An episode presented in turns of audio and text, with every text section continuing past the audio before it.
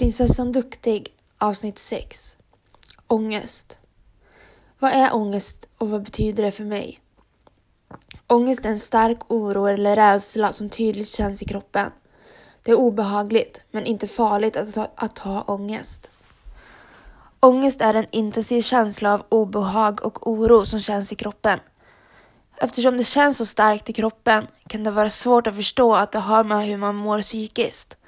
Du kan till exempel känna ett tryck över bröstet, att hjärtat slår snabbt eller hårt, att du blir torr i munnen, att du får en klump i magen eller känner dig yr, yr eller svag i musklerna. Ångest är en naturlig reaktion på hotfulla situationer och är ett slags överlevnadsfunktion. Ångest kan kännas olika starkt, från diffus oro till starka kroppsliga symptom eller panikkänslor där det kan kännas som att du ska svimma. Ångest går alltid över, men kan komma tillbaka. Ångest för mig är en stor klump i magen och ett enda stort kaos. Det tar upp så mycket plats inom mig och tar så mycket tid ifrån mig att jag blir alldeles förlamad av ångesten som sprider sig in i varje jäkla lilla cell som finns i min kropp. Men jag kan inte riktigt förklara varför ångesten uppstår eller varför den känns som den gör. Det har bara varit så i många år att det har blivit som min vardag. Emily med ångest. Hur kan man göra för att hantera ångesten då? Jag så länge jag kan minnas varit självdestruktiv och det är inget jag tipsar om att bli. Så vad kan man göra utan att skada sig själv när ångesten är stark? Distraktion. Som jag nämnde i någon av mina tidigare poddar så kan man använda sig av sina sinnen.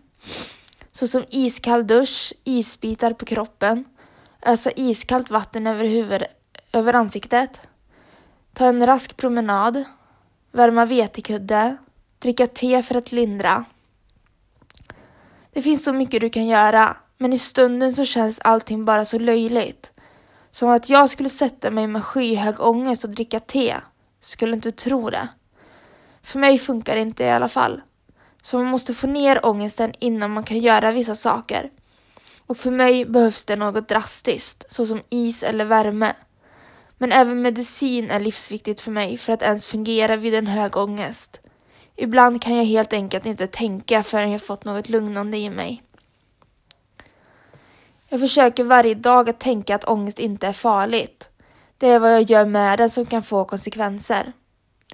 Men det är svårt när man tror att ångesten helt ärligt ska ta död på en. När den är så stark och kraftfull att man inte vet vart man ska ta vägen. Ångest, ångest, ångest. Lider du av ångest? Vad gör du för att överleva? Tack för att ni lyssnar på dagens poddavsnitt. Var rädda om er. All kärlek så länge.